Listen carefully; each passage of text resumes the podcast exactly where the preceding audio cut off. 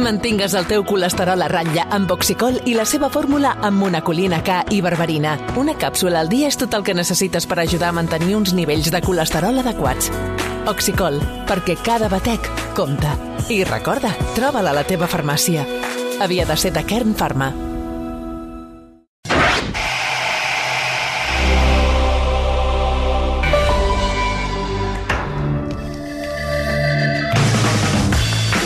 Cosa, venen emocions fortes, eh? El que escoltarem a continuació, si no ho haguéssim viscut, si no ho haguéssim explicat com a periodistes, El segurament no ens ho creuríem. El Nàpols. No, no és el Nàpoli. De moment escoltem aquesta, aquest tema de Lori Moni.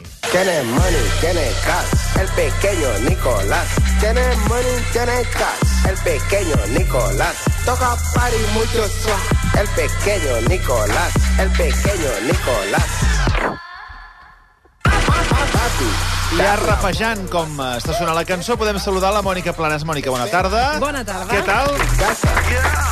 M'interessa molt aquest uh, documental perquè crec que uh, escoltarem coses que no donarem crèdit.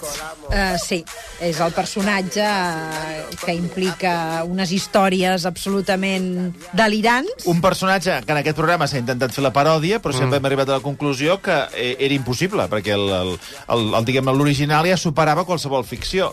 És que, és que és ben bé així, i a més a més, aquesta vegada t'ho explica ell, crec que és un moment prou entre cometes, centrat del personatge, és a dir, és com si hagués pogut distanciar-se una mica del seu propi monstre i explicar-se, i és, és, bastant, és bastant curiós. Doncs és un vinga, exercici. El, Som-hi. el documental es diu Pícaro, i Pícaro, la P, la posen entre parèntesis, de tal manera que hi ha com un cert joc de paraules. Per una banda, la figura del, del Pícaro, de- d'aquesta figura tan espanyola, d'aquest personatge Lazarillo, que, del Lazarillo. Lazarillo Sí, de. Tormes, Sí. no? d'aquest personatge que s'acosta al poder per escalar en, en l'escala social, i d'altra banda, aquest Ícar, aquest personatge de la mitologia eh, que mm. se li cremen les ales quan s'acosta massa, Massa al sol. sol, Sí, vola sí, sí, massa sí, prop i sí. eh, se li desfan les ales i finalment mor. I son pare li diu, no t'acostis tant, que les,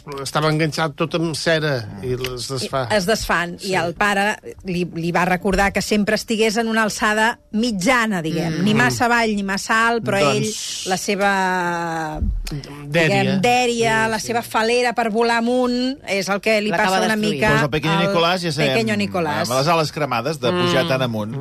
Són tres capítols de 50 minuts, trobareu la sèrie documental a Netflix. Uh, serveix per conèixer millor el personatge i sobretot per entendre com aquest personatge va arribar on va arribar. Um, és un documental ben fet a nivell de realització. És com si es recreés el tauler d'un joc de rol on es, fan, es recreen tots els personatges en petites figures Ah, que es mouen per aquest tauler, hi ha en maquetes diminutes dels edificis de poder, i llavors això serveix per estructurar una mica aquesta història, i va bé perquè realment arriba un moment que la història és tan delirant que et serveix tots aquests personatges per aclarir-te una, una mica.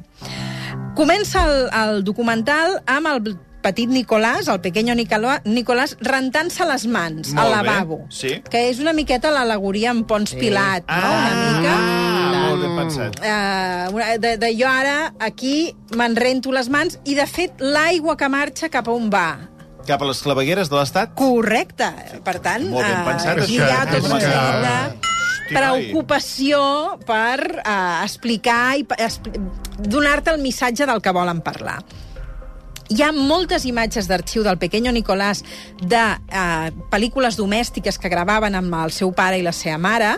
Era un nen que, diguem, eh, era, mm, rebia molta atenció familiar i que sempre l'estaven gravant amb el vídeo. I us he de dir que aquestes imatges són mm, caviar pur, perquè serveix per demostrar fins a quin punt aquest nen tenia deliris de grandesa des de que era molt petit. És a dir, és un nen que des de que era molt petit els jocs de cotxes de policia que tinguessin les sirenes, mm. a jugar a espies... Mm. Um, us diré una cosa, hi ha unes imatges que el nen, eh, per Nadal, amb 3 anys, demana que vol una corbata no sé quants nens de 3 anys demanen corbates. Ell ja però veia ell ja va que veure que allò necessitaria. I allò, era... fa, allò fa de poder. Fa senyor. Fa Fa poder, senyor, sí, sí. fa Bueno. adult, fa... Què té de i- dolent l'ambició? Què té de dolent ser ambiciós? tant. En Bueno, tu el coneixes, no, no, no? Sí, jo el vaig molt. conèixer, per això estic aquí pendent. He vingut perquè dic a veure què diuen, perquè ja sé per on aneu aquest tarannà i no té res de donar. Al contrari, una persona eh, ambiciosa, eh, que quiere poder, que tal, tal, tal. És, Emprenedor, emprenedor, un emprenedor. emprenedor. És on arribes lluny, eh? No Doncs, aquesta bueno, ara ho gent aturadeta escoltarem. que la pagueta, la pagueta. Si us Ara, sembla, ara. recuperem unes imatges de tel un, un document sonor de- d'unes imatges de Telemadrid del petit Nicolàs, eh, petit de veritat, Sí. quan tenia 10 El anys. Petit, petit Nicolàs. Petit, petit Nicolàs, tenia 10 anys, el dia que vol anar-se a, a, a congregar en una manifestació quan Sí. s'assabenta, amb 10 anys, que s'ha mort el papa Joan Pau II. Oh. I amb 10 anys ja... ja... I ho veu en un missatge de mòbil i li diu a la seva mare que ell també hi vol anar. Numerosas personas se han concentrado aquí en la plaza de Colón en el mismo momento que han conocido el fallecimiento de Juan Pablo II. Estamos, por ejemplo, aquí con una persona pues muy joven, Fran, 10 años, ¿no? Sí, Ay, efectivamente. Oye, me han dicho que tú eres quien has traído aquí a tu familia. ¿Por qué? Eh, porque yo estaba en mi casa y vi la televisión y me di cuenta que Juan Pablo II había muerto. Y al cabo del rato recibí por el móvil un SMS diciendo que nos reuniéramos aquí. Estamos aquí con, con su madre, ¿no? Ha sido él el que ha tirado del carro para venir aquí. tirado porque estábamos muy cansados ya, no sabíamos que había esta reunión y ha sido él que, viste que estábamos en pijama ya, nos hemos vuelto a vestir Home, és boníssim. Ell, ell arrossega la família Ah, en exacte, pijama, eh? però fixeu-vos exacte el poder de convenciment Increïble, que tenia eh? aquest Increïble. nen, que són les 10 de la nit i, i, vinga, tots cap allà. Que s'ha mort el papa, eh, mama? No és Posa't la maco, bata. això, que és un nen prodigi, és un nen... Es veu, es No, veu. però prodigi sí, prodigi sí. Emocionant. A mi em sobta que els pares cedissin, perquè a mi el meu fill em diu estic jo amb el pijama mor el posat, papa." anem a una manifestació, i li dic, mira, guapo, vés passant cap a la teva habitació, eh, i demà serà un altre Així, dia. així, eh, ah, ah, ah, ah, així, així va el món. Va, home, I que ho va. digui aquí, eh, a la ràdio, que ho sàpiga Sí. tothom. Eh. Et fa vergonya. Vergonya. Això, és el, això eh, aquí és on ha arribat el comunisme. Ara. Bueno, tenim el petit petit Nicolau que arrenca la família cap a la manifestació. Correcte. Es, us he de dir que era, es nota que era un matrimoni que vivia pel fill. És a dir, Ah, val. que si el Es nen... desvivia. Es desvivia. Ja en conec d'aquests, Que si el nen vol anar a les 10 de la nit a no sé on, eh, tota la família hi va, eh? O sigui, el nen mana, Mana, als mana. pares. Ole. Uh, atenció al que explica la mare del petit Nicolàs, que l'entrevisten també en aquest documental. A los 10 años ya él se preocupó de llevarme a, a la sede del partido del PP para ayudar a ensobrar las papeletas para votar. Y yo creo que ahí le empezó a entrar el gusanillo de la política, yo no sé qué le pasó. Era muy gracioso, además era una esponja. És que... Era muy gracioso. És que no, ca- no acabaríem mai, no acabaríem mai de sorprendre'ns. I ella ho diu com una cosa bona, eh? Sabent sí. tot el que ha passat després. És que jo crec que aquesta senyora- aquesta senyora de dir, potser... Ah, perdona, aquesta senyora té un altre documental, eh? Això està clar. No, Sí. no, però ella és sa mare, què vols que digui? Clar, sí, sí. Ella està molt orgullosa i, a més a més, Ja. ella considera que el seu fill li ha aportat una vida social increïble, perquè No, no. ella fent cas al fill, escolta, anava a la seu del PP, anava a la congregació, l'entrevistaven a vamos o sigui, Al fill que tota mare li Sí, sí, agradaria sí. ser. Ara, sí, ara, sí. ara. El que feia el, el petit Nicolàs quan tenia ja 12, 11, 12 anys era, eh, diguem, captar amics per les discoteques pijes de, de Madrid, les hores més joves. Mm -hmm. el que feia era crear una xarxa de escoles diferents, de tal manera que ell portava públic a les discoteques. Quina edat? 12-13. El, el Molt típic petit, promotor, eh, el promotor això. de la Sí. discoteca de tota la vida. Però els hi portava tanta clientela que els de les discoteques era... No, no, doncs escolta, si aquest nano ens porta gent i a més a més portava nois selectes d'escoles eh, De prestigioses plena. i tot això, doncs ja els hi anava bé. Què passa? Que aquest nano diu que això de les discoteques, doncs, Se li va quedar petit. No li feia gaire gràcia. Ja. Llavors aquí és on ell arriba a la FAES. La FAES és aquesta Fundació Mm. de Análisis y Ahí Estudios está. Sociológicos, Yo, que és, en certa manera, la fàbrica ideològica Mm. del PP. Ell veu que s'ha d'infiltrar allà dins, o que, que, que vol Bueno, que- formar-ne part, Que allí hi remenen cireres. i de seguida troba la seva funció. Tot el que fa per les discoteques ho farà per la FAES. Per tant, totes les conferències, xerrades, actes que organitza la FAES, el que fa és que portar tots els nanos que portava a les discoteques els porta de públic als actes de la FAES. És la FAES evident. no havia tingut mai tanta gent. Ara, és evident que la capacitat de convenciment era bona, perquè Enorme. jo, a mi em proposen passa-te la tarda en una discoteca o en la FAES, jo vaig a la discoteca de tant. Pet.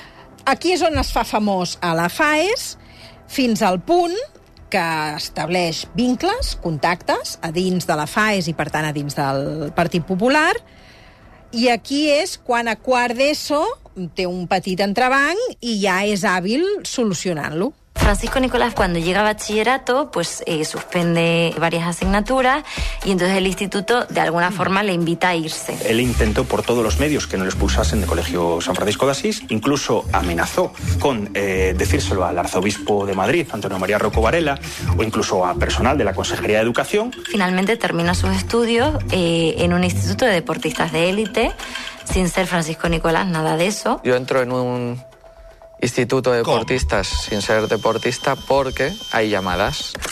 Y gracias a esas llamadas yo entro. Y ya me llegan a mí y me dicen, ¿y tú qué deporte haces? Digo, pues yo sillón ball. Oh, És que això ja és al·lucinant, És al·lucinant, eh? és al·lucinant. Ja comencem a, ja aquí amb les històries... A més a més, em sorprèn una cosa, que una persona amb el, amb, la, amb el que ha fet després, que s'ha demostrat, no fos bon estudiant, perquè és evident que s'ha de tenir un cervell No, privilegiat. és que no tenia temps. Ah, Has estava per d'entendre altres que coses. estava per Ah. altres coses. Ell no Ah. estudiava no perquè no tingués facultat, sinó perquè ell estava treballant A la al servei dels altres. No tenia temps d'estudiar. Mm. Què fa la FAES? Doncs comença com això, com a captador de joves, fins que aconsegueix eh, entrar a la, a, la, a la FAES. Yo me doy cuenta que las discotecas light a mí no son lo mío, que lo mío era el poder. El poder, de hecho, sí lo podría considerar yo una droga que no tiene fin, porque cada vez podía ser más. Y bueno, a los 14 años me, me hizo llevarle a, a la Fundación FAES, con su mochila, su uniforme, todo 14 años. Veiem aquestes imatges de, del petit Nicolàs quan era petit, fins al punt que amb 15 ja va amb cotxe oficial amb aquest institut de batxillerat, amb cotxe oficial. O sigui, Com cotxe de- oficial? de qui? De la FAES. O sigui, ell però- ja això- té contactes... Als pares i llavors... sembla bé que el nen vagi amb cotxe oficial. A veure. Els pares ja heu vist Però quin que... pare no ha de voler això pel seu fill? Bueno, jo no, molt, cotxe oficial, no, amb pagesos. mentida. Són comunistes, són comunistes, no Els cas. estaven comunistes. per aquest fill. O sigui, els pares feien el que el fill deia. I la mare n'està encantada i en I cap tant. moment ell... sos- O sigui, el seu- el seu fill els hi semblava sempre meravellós tot el que feia. I a ell li agradava dir, oye, venga, vamos a, me llevas al instituto y tú pones el coche, pones la sirena... A ell el tema de les sirenes i I les llums hem vist, li ja. pirra. I llavors era, tu em portes a l'escola, fot la sirena, em deixes a la porta i que tothom vegi que jo sóc especial. Mm. I a ell, això, a un altre que, pobre, mm, si fos el fill de l'ambaixador es moriria de vergonya si li fessin anar així a l'escola, doncs aquest... No, s'infla ah, com un paó. Ah, Sí, sí, exacte. Um, la FAES d'Aznar és qui el fa un home. D'acord? O sigui, és quan hi comencen a haver totes les imatges del petit Nicolàs molt jovenet al costat de figures importants de la, de la política. Per exemple, a les eleccions generals del novembre del 2011 que guanya Mariano Rajoy, mm. qui diríeu que hi havia al costat de Mariano Rajoy quan Mariano Rajoy va Pues- a dipositar el vot a l'urna? No sé, ¿eh? Cuando Mariano Rajoy fue a votar el día que fue elegido presidente, eh, hay una imagen que pasó desapercibida en ese momento, pero a su lado estaba Francisco Nicolás. Me conocía a todos los escoltas, a todas las secretarias, a todos los líderes políticos, hasta el médico de Génova también lo conocía. Me conocía a todos. Però... El metge per si de cas, eh? Per si de bueno, cas. no, ja fa bé, ja fa bé. Rajoy guanya les eleccions, té a Soraya Sáenz de Santa Maria de segona, i atenció perquè ella també és la responsable del CNI, això és important. Aquest és un, un punt d'inflexió. El petit Nicolàs coneixia tothom de la FAES, coneixia tothom de Gènova, i, per tant, aquesta victòria del, del PP que fa que molts mm, militants i personatges del PP que fins aleshores no tenien càrrec i que eren figures molt properes al petit Nicolàs, amb la victòria del Partit Popular passen a tenir càrrec. I això vol dir que el petit Nicolàs passa a ser una persona molt coneguda per persones que a partir d'aquell moment ja tenen càrrecs de responsabilitat I, i, per tant, tant, ah, exacte, i per uns tant, altres influència. tipus de, Sí, sí, de sí, feina, d'acord? Bueno, Per estem exemple- explicant la, la història d'això, del, del Lazarillo de Tormes, de, Sí, de sí, tota la sí, vida, sí, eh? De, de, de la picaresca espanyola que sense ser ningú aconsegueix Fixa't. arribar a dalt de tot. triomf, el triomfo. Exacte. Sí, és am, triomf. Lucha amic, por tus sueños. És amic, entre cometes, assistent de totes les persones que ho necessitin. Ell està sempre a disposició dels Fixa't, altres i els altres s'aprofiten d'aquesta situació i li Els van donant còmode, encàrrecs clar. perquè ell executa correctament i, a més a més, té aquesta actitud Bueno, bé, de posar-hi morro. Bueno, però- Exacte, però i ho fa bé. és Ho fa bé. Ell fa el que, li, el que li diuen. Es fa molt amic de Jaime García Legaz, que és el que aleshores pas- passarà a ser secretari d'Estat de Comerç. Molt íntim. Hi ha 30 anys de diferència entre tots dos, gairebé, i en el documental subratllen aquest nivell de confiança eh, diguem, d'una manera que no diuen, Però què però dir? sembla Què que dir? diguin. Què vols dir? Jo no ho puc dir, perquè com que el documental tampoc ho acaben de dir, però fa que tu sospitis una mica d'aquesta... Una, una amistad especial. Si més no, com a proporcionador de circumstàncies que podien interessar a Jaime García Legaz. Ah, bueno. Eh? He, he interpretat una cosa així, no sé, que... No te- no t'acabo de... Jo tampoc. No, Eh, jo no tampoc, eh? No m'acabo d'entendre. Jo crec que, en tot pro cas... eh, Eren íntims. En Eren íntims i eren- tothom, eren con- i íntims. tothom Bueno, subratlla i que es portaven 30 anys. I després, Bueno, a i creu i passa? ratlla, és a dir, d'aquesta relació no se'n parla Ah, més ja i diguem que ren- passen a renegar l'un de l'altre. Van partir peres. Ay, como yo y Chelo. Uh, van partir peres, sí. Va. A partir del conflicte i de que Sí, se sí, sap sí, sí. qui és el petit Nicolàs. Ja passa el això amb moltes amistats. Sí. en certa manera és qui fa la feina com bruta o, ca- o feines que no pots fer quan tens un càrrec perquè no queda bé que et Mm. vegin amb determinades persones o en Ja. determinats llocs o I no el teu amic saber, de confiança es dedica a aquestes coses. és qui fa aquest paper. Ja ho Sí. Com veureu, tot és qüestió d'actitud. Lo de poner los pies encima de la mesa, que, que es verdad que emulaba un poco a lo que hizo Aznar con Bush en la Casa Blanca, yo lo hacía constantemente. Lo hacía constantemente para que vieran los empresarios o para que vieran los que estaban conmigo, si el niño ponía los pies encima de la mesa y nadie le decía nada, era porque mandaba. Era un golpe de autoridad y de ego. Era un sentimiento por dentro, una adrenalina de poner los pies encima de la mesa, de decir, ha llegado papá. Y te sientas y hablas. Y hablas tranquilamente y si tienes que mandar callar, mandas callar. Y cuando decía, oye, nos tenemos que ir, nos tenemos que ir. Y nadie decía nada. Bé. És que a- aquesta, a- aquest poder, aquesta intel·ligència, com I pot ser un nano tan petit, amb, aquesta, amb aquest coeficient intel·lectual tan gran, aquest, quina, quina cosa, quina... És, Ara has de tenir seguretat perquè jo ara vaig al despatx de la directora, poso els peus Puja- sobre la taula peus a la taula. i, i vaja, ja m'heu vist prou, eh?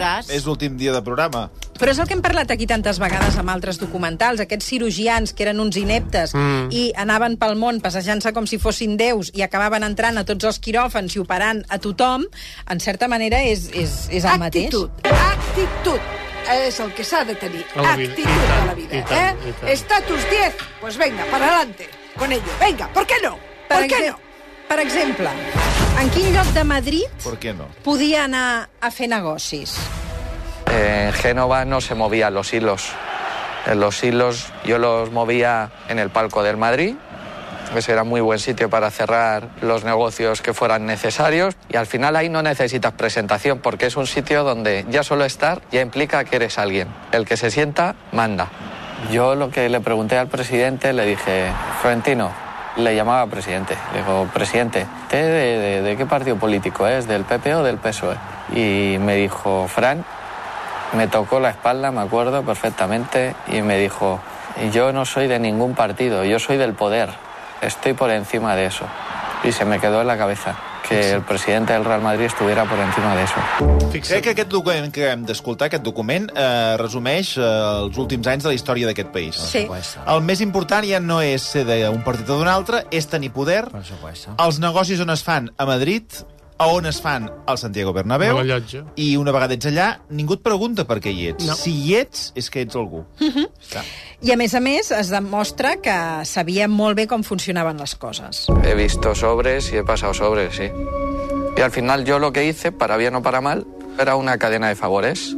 Yo era el nexo común que unía todo. De repente te unía Casa Real con presidencia, de repente te unía Ayuntamiento de Madrid con China y con la Secretaría de Estado de Comercio. Me lo creía tanto que los de alrededor también se lo creían. Si tu t'ho creus, els altres també. Bueno, però Està ha vist claríssim. sobres, eh? Ha vist sobres. Sí, i n'ha Sí, sí. transportat. Què hi havia sí. dins? No ho sabrem. O ell diu que no ho sap.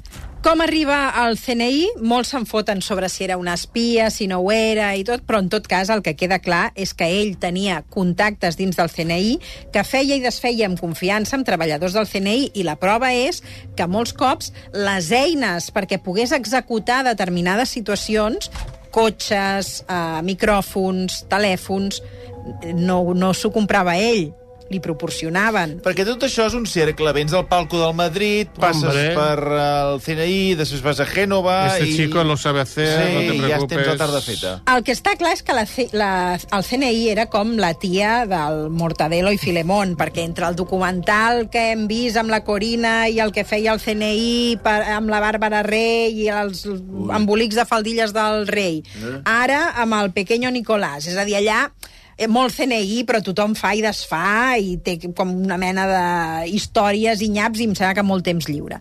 Però, en tot cas, ell hi tenia mà.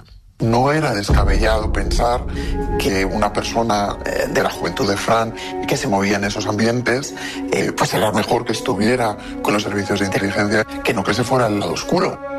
Empiezas hablando con ellos, empiezas contando a qué te dedicas, qué contactos tienes. Entonces, bueno, yo como salía por la noche, salía por el día y estaba en todos lados, pues eh, tenías muchísima información.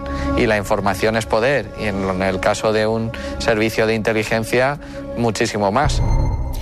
Mira, i això us ho explica Villarejo. A mí me espía parece un poco eh, peyorativo. A mí es cierto que en el Ministerio Interior me llamaban el espía, pero el pequeño Nicolás no era un agente al estilo James Bond.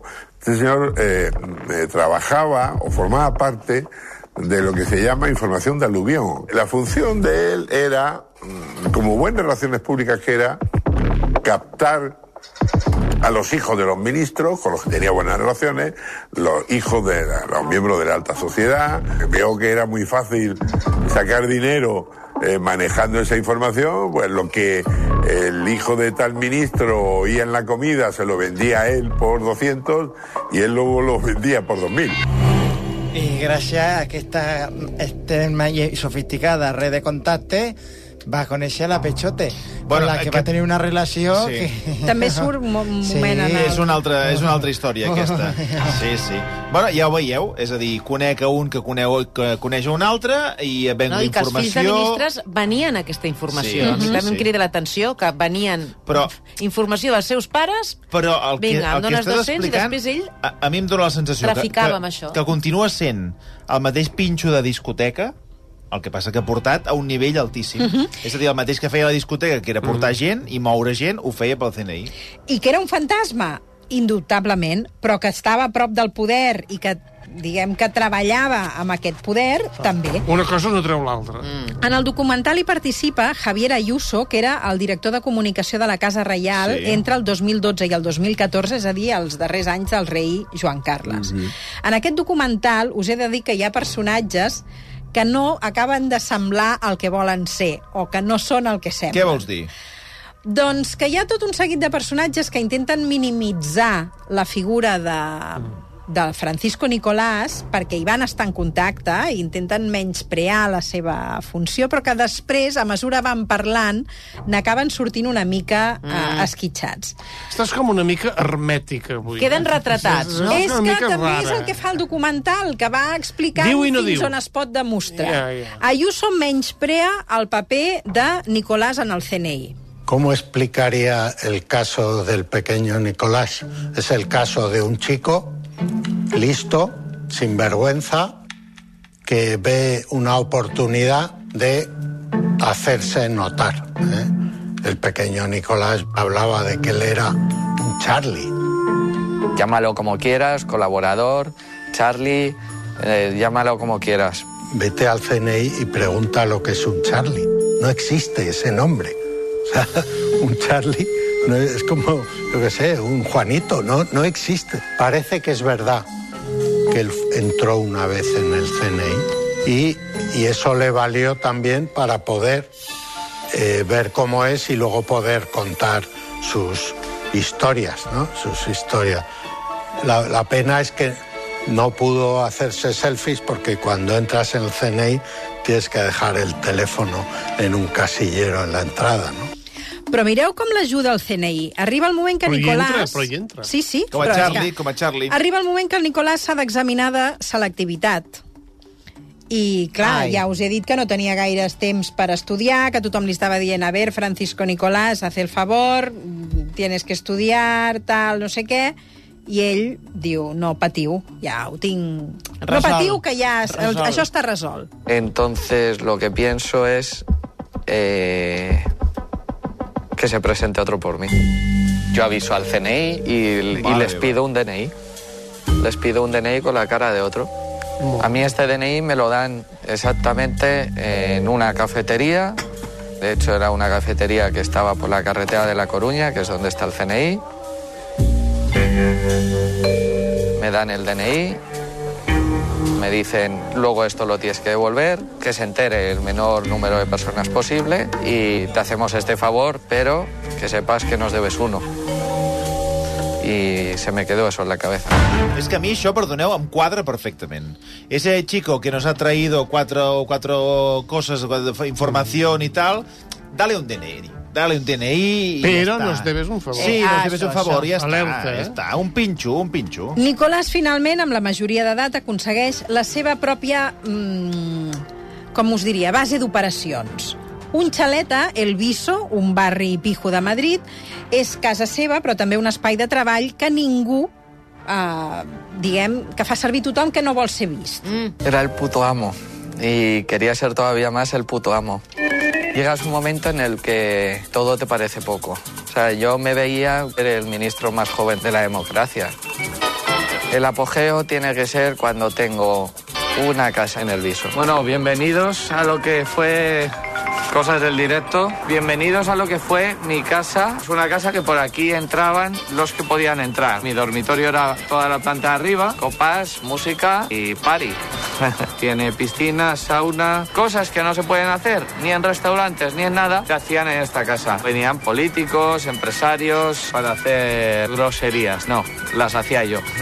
Esto significa millones de euros. Esto era una garita al principio, pero se quitó. Había un problema que siempre sonaba la alarma y, y me acojonaba porque digo, ya nos vienen a atracar. La inteligencia económica existe, el mundo es global y hasta aquí puedo leer. Tengo personal de servicio, pedí muchísimos medios y me lo facilitaron todos, que había una reunión del consorcio Medina La Meca, pues se hacía ahí. Entonces venían pues los de las empresas privadas y públicas para hablar en un sitio que se supiera que no había micros, que era seguro y que se estaba bien. Que venía alguien de fuera y había que darle un servicio más discreto, entonces utilizábamos la casa y luego muchas veces acabamos allí. A mi aquí sí que ja em sembla un salt qualitatiu bastant important. Mhm. Una cosa és que et deixin un DNI, vamos a hacer un favor al xaval, i l'altra cosa és que sigui l'encarregat d'un xalet on eh, podia passar qualsevol cosa. I, on, ve- I com veureu en el documental, si el mireu, veureu que allà s'hi celebren reunions molt importants. Però de això qui és, és veri... aquest això és xalet? veritat. De qui és aquest xalet? Nicolàs diu que el pagava el CNI. Què diu la investigació d'aquest documental? Aquest documental mira qui és d'entrada el propietari d'aquest xalet. El propietari és, atenció, Kirill de Bulgària. Hosti, noi. I una empresa pagava el lloguer d'aquest xalet, 5.000 euros al mes. És una empresa constructora que sembla que ho pagaria a canvi de concessions per dur a terme una rehabilitació en aquest mateix xalet i, a més a més, doncs, potser altres tipus de mm, concessions. Estranyament, la justícia no continua investigant aquest fil i... Eh, Estranyament. estranyament. Que, però, moment, moment. O sigui, ara que anàvem a saber si realment això és cert, aquí es perd el fil. Els documents Si la de la justícia propietat... frena aquí. Aquí, exacte, frena aquí i aquí és on també hi ha coses que no que no s'entenen, diguem, i és per què no continuen estirant Clar, aquest fil. home, si és el moment clau... Bé, ja sabeu que a vegades la justícia, mm. Diguem que... Bueno, excepte si ets Que no- independentista. que no ho has Llavors ente- sí que estiren el fil. Però que no ho has entès? Sí, cuentes, sí. En tot cas, Em continua sorprenent. Uh, ara sentireu una de les reunions importants que es van fer a El Viso. Cuando entra Francisco Nicolás al chalet del Viso, se habla de la instalación de 32 cámaras. Eh, lo curioso de este asunto es que eh, mm, jamás ha salido a la luz ninguna imagen del interior de, de la casa del Viso para comprometer a nadie, con lo cual es uno de los grandes interrogantes de este asunto. Para el CNI se hicieron un montón de, de operaciones. La mayor y más importante fue la de salvar a la infanta. Com? Per què? Què, què vol dir? Salvar a la infanta? Quina operació Uh, recordareu que hi havia el cas Nos Sí. i el judici a la infanta, Sí. i aquí queda retratat el senyor, el responsable de Manos Límpies, Miguel Bernat, en aquell moment. Havien posat una demanda contra la infanta Cristina, Uh, el documental entrevista en aquest senyor i li pregunten que per què retira la demanda. Mm. Ell diu que es va reunir en aquest xalet i li van, uh, van apel·lar-li el seu sentit d'estat perquè això perjudicava. I el, i el pequeño Nicolás diu que sentit d'estat ni res. Tothom sabia que Manos Límpies posava uh, això eh, segons el documental, eh? Um, posava demandes per tal, o sigui, per tal de retirar-les a canvi de diners. I uh, I diu que li van pagar. Diu que li van pagar 30.000 uh, euros i llavors quan la periodista li pregunta per això en el senyor de Manos Límpies, Sí. uh, voleu sentir? Sí, tant, sí, sí, per tant. favor. ¿Alguna vez le ofreció dinero? No, jamás. Nosotros sabíamos evidentemente que ponía querellas para quitarlas y ganar dinero. Se le iba a pagar una cantidad ridícula, eh, creo que eran 30.000 euros. Sí que da una cifra, que para desimputar a la infanta le ofrecieron 30.000 euros. Eso, puede que sí, que algo me... eh, algo recuerdo, ¿eh? Eh, algo recuerdo de eso, sí, sí, sí, sí, sí. Pero mm, ya nada más, pero vamos, no le di ni, ni la más mínima importancia. Pero sí que te ofrecieron 30.000 euros. Sí, mm. Seguramente el tema este de la, de la infanta que yo estuve, a lo mejor lo sabríamos en total seis personas. Y creo que se hizo lo que, lo que había que hacer.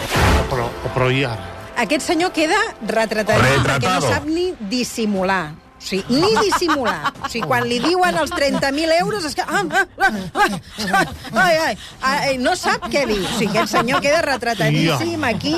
Hi ha més reunions i us he de dir que hi ha situacions vinculades a la Casa Reial, que veureu en el documental, Home, doncs val que la pena, eh? no tenen cap justificació.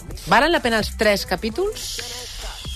Sí, No t'ho vulguis perquè estalviar, això, no t'ho vulguis eh, estalviar, Jo que us he explicat bastant el que seria el primer, S'ha de per veure tant, tot, els això. altres, de veure. a, a partir del final del primer capítol, és quan entrem en el moment en què uh, Nicolàs sap abans que molta altra gent que abdicarà el rei Joan, Cair, Joan Carles Fixa't. i li envia un missatge que Joan Carles contesta. Claro.